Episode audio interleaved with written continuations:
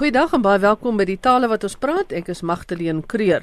Ons gaan vandag onder andere gesels oor skilpad, panduka, plat anna, santon en santon, utenay uit nypeer en napier. Maar eers wil ons bekend maak wie die eerste wenners is van die varsgebek kompetisie waar alle Afrikaans gebruikers hulle nuwe of oulike taaljuwele kon inskryf. Dit is nou die eerste groep van twee maandelikse wenners wat aangekondig is. Nou in die sêgoed kategorie het ons amper 700 inskrywings ontvang, sê die mense wat daarmee werk. En ek praat nou met Sofia Kap, een van die mense wat baie nou betrokke is by die varsgebek kompetisie wat soos luisteraars weet ons ook op RSG um, reklameer. Nou Sofia, sê gou vir my toe julle nou hierdie 700 inskrywings gekry het, wat was die proses? Hoe het julle besluit wie wen? Ek het al die inskrywings ontvang en daardeur gewerk. Dit is nou maar bietjie luk raak. Ek het die inskrywings gesorteer volgens wat na my mening oulik of nuut of baie vars is. Daar's natuurlik baie meer inskrywings wat Merite het vir opname in woordeboeke, maar ons het spesifiek gesoek na inskrywings wat regtig kraakvars Afrikaans is of wat erfenistaal is, sien maar streektaal is wat nooit opgeteken is nie. Toe ons nou ontslaag geraak het van al die dubbele inskrywings, want daar was nog al 'n hele paar van hulle en jy weet die, die inskrywings wat reeds baie gevestig is in die volksmond, het ek oorgehaat 'n lys van omtrent 100 en almal van hulle het meriete gehad. En toe ek en Gerard van Huisteen dit gesif tot by 50 en toe was daar 'n paneel wat deur die 50 inskrywings gewerk het en punte daaraan toegeken het volgens bruikbaarheid in die sin van opname in woordeboeke en jy weet die die waardering wat 'n mens daarvoor het, die bewarings moontlikhede van so 'n uitdrukking. Nou die eerste prys gaan aan Lila Botha met jou kuite styf trek. Wat beteken dit en is dit iets heeltemal nuuts of is dit iets wat gebruik word al iewers in die land? Ek het dit al gehoor, maar dit die vereiste vir die inskrywing was dat dit nog nêrens opgeteken moet wees nie, maar die hierdie uitdrukking was vir my verskriklik mooi. Verduideliking wat sy gegee het daarvoor is dat jy byvoorbeeld dis iets wat 'n ouer vir 'n kind sal sê wat hom gewip het. Jy weet, dan sê jy nou vir die kind sê moenie jou kuite vir my styf trek nie. Dit is vir my so oulike uitdrukking want jy, jy weet jy kan dit amper half sien hoe hierdie kind sy rug so reguit maak en sy bek dit maak. En dit is 'n dis 'n bruikbare ding, dis heerlik Afrikaans en ek het gewoon op my gevoel gesê goed dis vir my een van die gunstelinge en ek het die punt daaraan toe geken en die ander beoordelaars het blykbaar dieselfde gevoel want die inskrywing het loshande die beste gedoen. En die tweede prys gaan aan Christa Marie. Ons hoop ons spreek haar naam korrek uit want dit was nou net geskryf en hier is 'n uitdrukking iemand kook nie sag nie. Wat beteken dit? dit is blykbaar in 'n Makwalandse sêding en dit dit is 'n uitdrukking wat 'n mens gebruik vir iemand wat uh, kortgebaker is, hardgebakker is, 'n ou korrelkop. Dis 'n moeilike persoon. Hy kook nie sag nie. En dit was vir my net so 'n oulike sêding wat 'n mens ook eintlik kan sien gebeur. Jy weet, almal van ons wat al langs 'n pot gestaan het met 'n spul aardappels in weet wat beteken hy kook nie sag nie. Die hier is aan hierdie ou nie self te smeer nie. Hy gaan hard bly. Maak nou nie saak hoe jy pleit of flikvloei nie.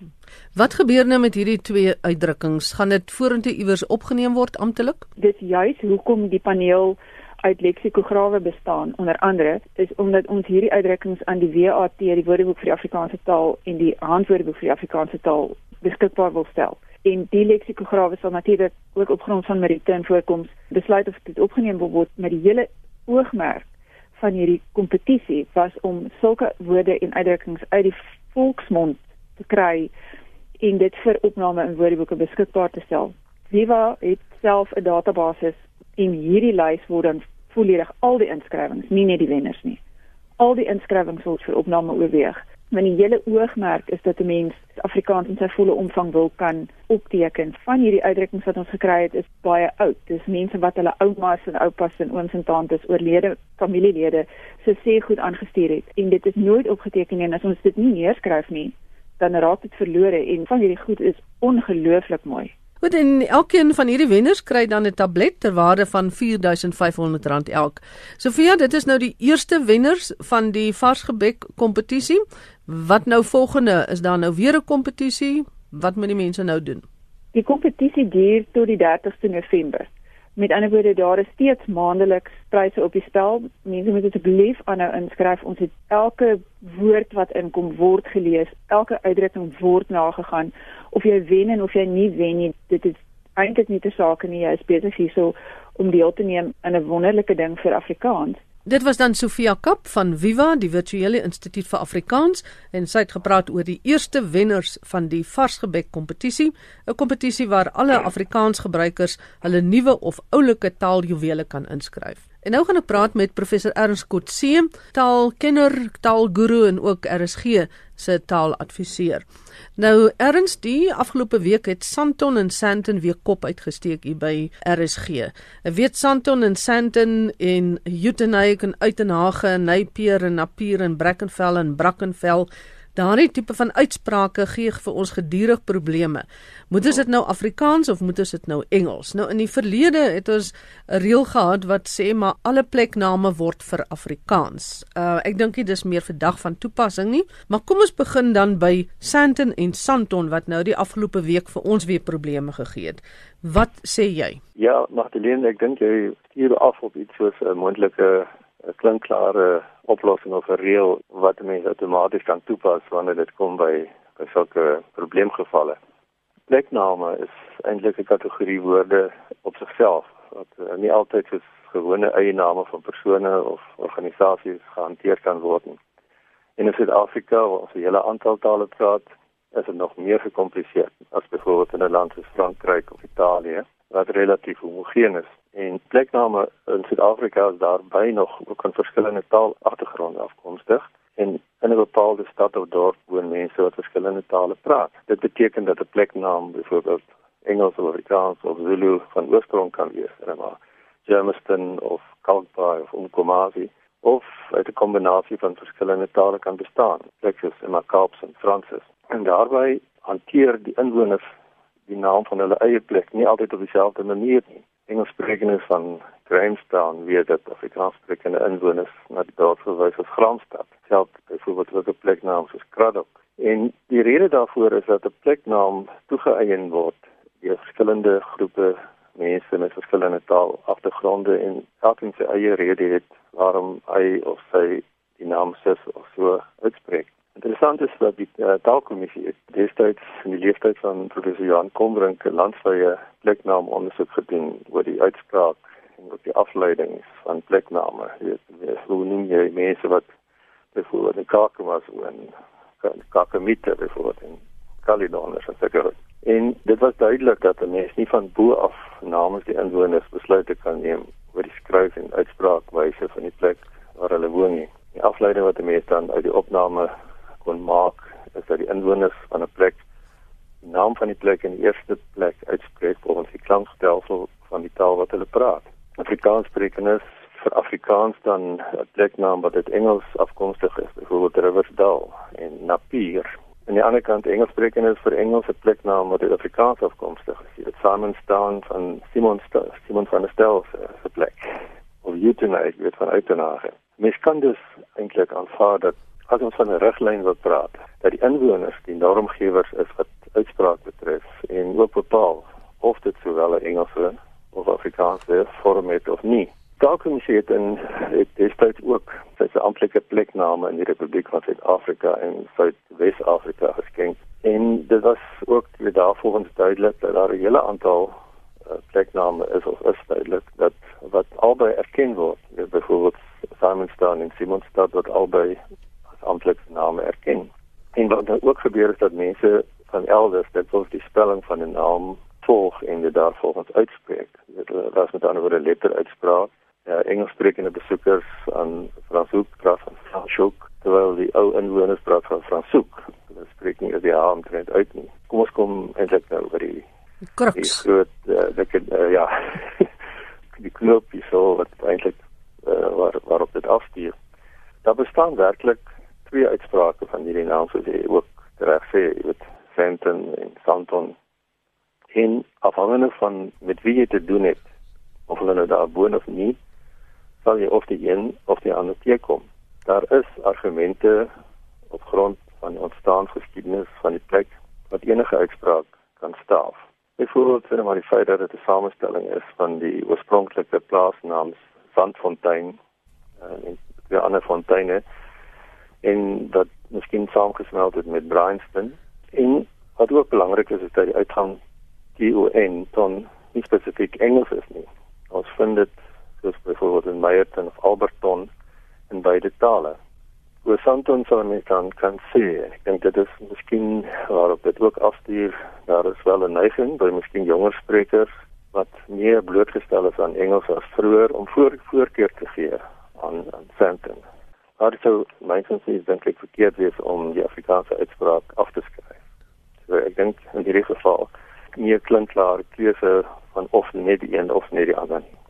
Ja, dit lyk nou of ons nou hare kloof oor Santon en Santon, maar dit is die ene wat wat nou baie gebruik word. Maar hmm. ek dink daar's daar's baie ander woorde hierdie gebruik is maar nou net as 'n voorbeeld. Een persoon het vir my gesê dit is 'n Santon kom van 'n vermenging van Sandown en Bryanston, so daar moet dit oh. Engels wees Santon.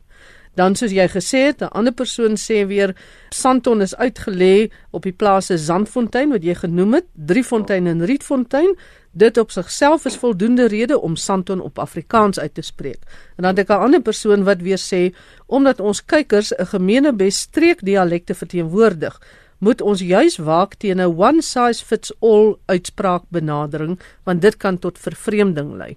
Oh. Nou kom ons is daar dan nou 'n klinkklare reël wat ons dan in plek moet hê en sê dit sal so wees. Magdalene, ek gaan nie vir jou 'n klinkklare reël gee nie. Ek dink dit wat ek wel sou kon gee is 'n uh, benadering wat mense kan volg, 'n modus operandi wat mense kan volg, jy weet om te sorg dat jy nie sommige mense omkrap nie. En ek dink dit sou oor dit gaan want uh, mense voel nogal baie dikwels omgekrap, jy weet, uh, as 'n bepaalde uitspraak as hulle maar aan hulle kele afgedruk word en wat waaraan hulle nie gewoond is nie of wat nie vir hulle natuurlik is nie. Ek dink dit is die kort antwoord en ek sal nou 'n bietjie meer daarop uitbrei. Maar mense sou kon vra dan is daar 'n liggaam of so wat 'n stempel kan plaas weet wat wat amptelike gewig dra moet daar die spreker self uh, raadpleeg of die taalkommissie. Nou wat betref die taalkommissie, mense sou kon sê die TK spreek self velde uit oor oor uitspraakkwessies wat opsioneel is, is in hierdie geval. Selfs die uitspraakwoordeboek van Afrikaans van Leroux en Leroux erken 'n tamelike uitvoerige voorwoord, die voorkeur van sprekers in hierdie verband waar dit nie eenvoudig neerkom op 'n Engelse uitspraak van 'n Afrikaanse woord nie. Die probleem is mynsinsiens of jy 'n naam as Engels of as Afrikaans interpreteer. En en daar beskou dan kennelik meningsverskille by verskillende sprekers hieroor. As dit nou kom by wie kan uitspraak hieroor, uh deskundiges wat hulle besig hou met taal in die gemeenskap, hulle sê sosio-linguiste, neem alle faktore in ag en erken ook die taalverskeidenheid op die terrein van uitspraak. Dis sou ek teen ex cathedra uitspraak van die taalkommissie verwag nie hieroor nie. Of self die voorkeur van een komponent wat as bindend beskou nie. 'n mens kan dus ek dink nie regtig maar uh, dit uh, beroep op die keiser of wie ook al om uh, dit 'n bepaalde op oplossing hieroor te gee nie. Nou waar laat dit nou vir my wat nou stasiebestuurder by RSG is en my kollega Sandy McDonald wat in beheer staan van die televisie Afrikaanse nuus. Wat moet ons nou doen? Santon of Santon? Maar te leen, uh, so die uh, politici altyd sê, dit is 'n baie goeie vraag. Ek wil baie graag hierop antwoord jy het ook ek dink sou ook kon dink aan bronne wat hieroor sou kon bestaan. Sulke bronne is regtig maar skaars en die wat bestaan dek beslis nie noodwendig die probleemgevalle nie. Uh, daar is nie iets waarna jy toe kan gryp om jy weet as 'n soort van 'n uitspraak Bybel vir RSG of vir, vir televisie te dien. Wat ek sou kon dink is dat ons gerus 'n plaatjie kan neem uit die geskiedenis van die BBC in Brittanje. Jy weet tot in die 60er jare in die vorige eeu was daar rigiede voorskrifte oor hoe Engels oor die radio en later TV uitgespreek moes word. Sogenaamde uh, received pronunciation wat beteken eintlik letterlik accepted of aanvaarde uitspraak. Maar in daardie jare die BBC 'n besluit geneem dat sprekers uit verskillende dialekgebiede in Brittanje toegelaat moet word om die uitspraak wat gangbaar is in hulle gemeenskappe, dan oor streeks aksente oor die eter te gebruik. Ek dink dat ons vir die RSBF RSC ook nie te rigied moet wees wat die uitspraak van uh, plekname betref deur individuele om omroepers nie. Dit sou wel nuttig wees om omroepers dan daarop attent te maak dat daar in sommige gevalle soos uh, Santon Santon meer as een aanvaarbare uitspraak bestaan en dat dit in sulke gevalle die individu vry staan om hom of haar laat lei deur 'n bepaalde voorkeur. Dan word ek dink 'n mens moet die veranderlikheid wat bestaan, die variasie in taal ook wat uitspraak betref en wat verband kan hou met mense van verskillende streeks agtergronde of of spraakgemeenskappe die vryheid eintlik te gee om met die bewustheid daarvan, jy weet dat jy jy werk in 'n formele styl, dat jy die uitspraak wat wat as gangbaar en sonder enige konnotasie weet van om snaaks te wees wat ook al gebruik word dit ook nat natuurlik en normaal in sy of haar eie ideologie word dra as die uitspraak van 'n van die bepaalde pleknaam so Santon of Sen. Goed en dan moet ons nou maar net besluit of ons eenvormigheid wil hê en of ons dit dan ehm um, oorlaat aan ja, die ja. omroeper ja. wat op daardie stadium aan diens is of die nuusleser ja. wat op daardie stadium dit lees. Ek dink nie uh eenvormigheid moet jou norm wees in alle opsigte nie. Dit moet juis dink diskresie wees van die kant van diegene wat die inhoud bepaal wat wat bedien het met met die met die inhoud om gevalle soos hierdie se Santon begroot te kan identifiseer wat 'n minderheidsgeval is my insiens net om daar hulle hulle diskresie te kan uitoefen. Baie dankie professor Ernst Kotse vir hierdie verduideliking en hy is RSG se taaladviseur wanneer ons so 'n bietjie vashaak. En nou is dit tyd vir die woorde van die week saam met Dr Willem Botha, skilpad, panduka en platanna.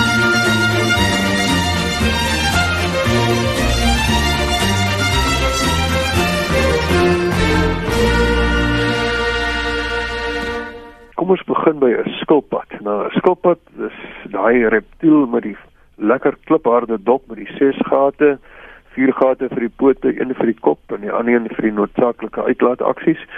Die woord skilpad kom uit die Nederlands skildpad. Dit is 'n samestelling van skild, dit is skildus en pad.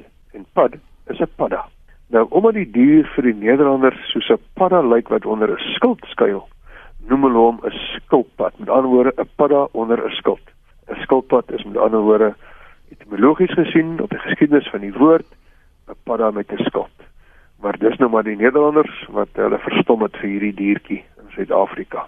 Maar jy kry ook 'n panduka. Nou 'n panduka is streektaal en dit verwys na 'n padda en meer spesifiek die platanna. Die platanna is 'n soort padda, ek sal later oor hom praat. Audrey Blinow het in een van haar werke geskryf dit was op so 'n oggend soos die dat ek die paddas sien reën het.